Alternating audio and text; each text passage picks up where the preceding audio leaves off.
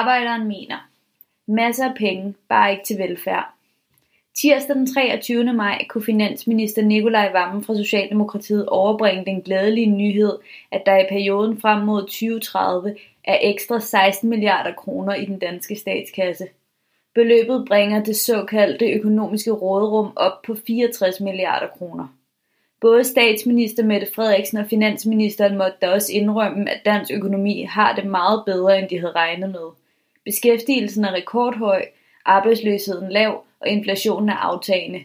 Meldingen om den gode økonomi var i den grad elendig timing for regeringen. For det første øh, hænger en sund dansk økonomi dårligt sammen med regeringens politiske krisefortælling, der er blevet brugt til blandt andet at bane vej for upopulære beslutninger eller afskaffelsen af stor bededag. Og som regeringen også fremadrettet skal bruge for at gennemføre nye reformer, der vender brøden mod den brede befolkning og arbejderklassen. For det andet faldt meldingen på et tidspunkt, hvor forhandlingerne om kommunernes og regionernes økonomi for 2024 var inde i slutfasen. KL havde gjort det klart, at de ikke skrev under på økonomiaftalen om næste års budgetter, før beregningerne af det økonomiske råderum lå klar. Men hvad skete der? Få dage efter skrev KL under på en stram aftale, der ifølge KL selv indebærer, at regeringen sammen med kommunerne får en stor opgave i at afstemme med borgerne, hvilken velfærd de kan forvente i de kommende år. Den kommunale serviceramme bliver næste år løftet med 2,4 milliarder kroner, men da kommunerne har et efterslæb på 1,9 milliarder for 2022 som følger prisstigninger, så er der reelt kun 500 millioner kroner til mere service, og alligevel ikke, for medregner man, at udgifterne på grund af flere børn og ældre næste år løber op i 1,25 milliarder, og kommunerne i aftalen pålægges at skære 700 millioner af deres administrationsudgifter, så er det forståeligt, når fagforbundet FOA konkluderer, at aftalen ikke sikrer penge til at bevare velfærden. Allerede nu har flere kommuner genåbnet deres budgetter for 2023, fordi de ikke hænger sammen. De kan se frem til svære budgetforhandlinger til efteråret.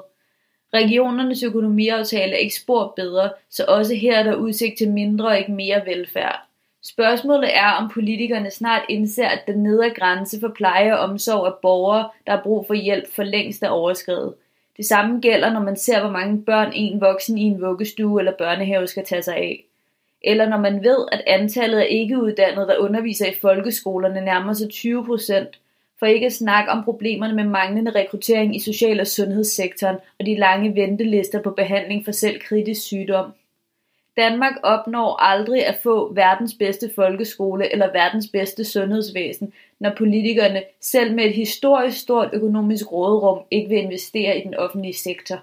Det er helt på månen, når der er et så stort økonomisk råderum, at der ikke bliver investeret mange flere penge i en udpint offentlig sektor til gavn for børn, unge og ældre, og til gavn for de faggrupper, der hver dag kæmper og gør deres bedste under ekstremt vanskelige forhold. Opgørelsen over statens forventede overskud viser, at det ikke er pengene, der mangler, men den politiske vilje til at investere dem i velfærd. Du har lyttet til en artikel fra Arbejderen. Abonner på vores podcast på iTunes, eller hvor du ellers hører din podcast.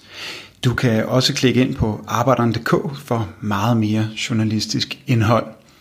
Du er også velkommen til at følge Arbejderen på YouTube, Facebook, Instagram eller Twitter, samt tilmelde dig Arbejderens daglige opdatering på Messenger. Vil du i kontakt med redaktionen, kan det ske ved at sende en mail til redaktion Tak fordi du lyttede med.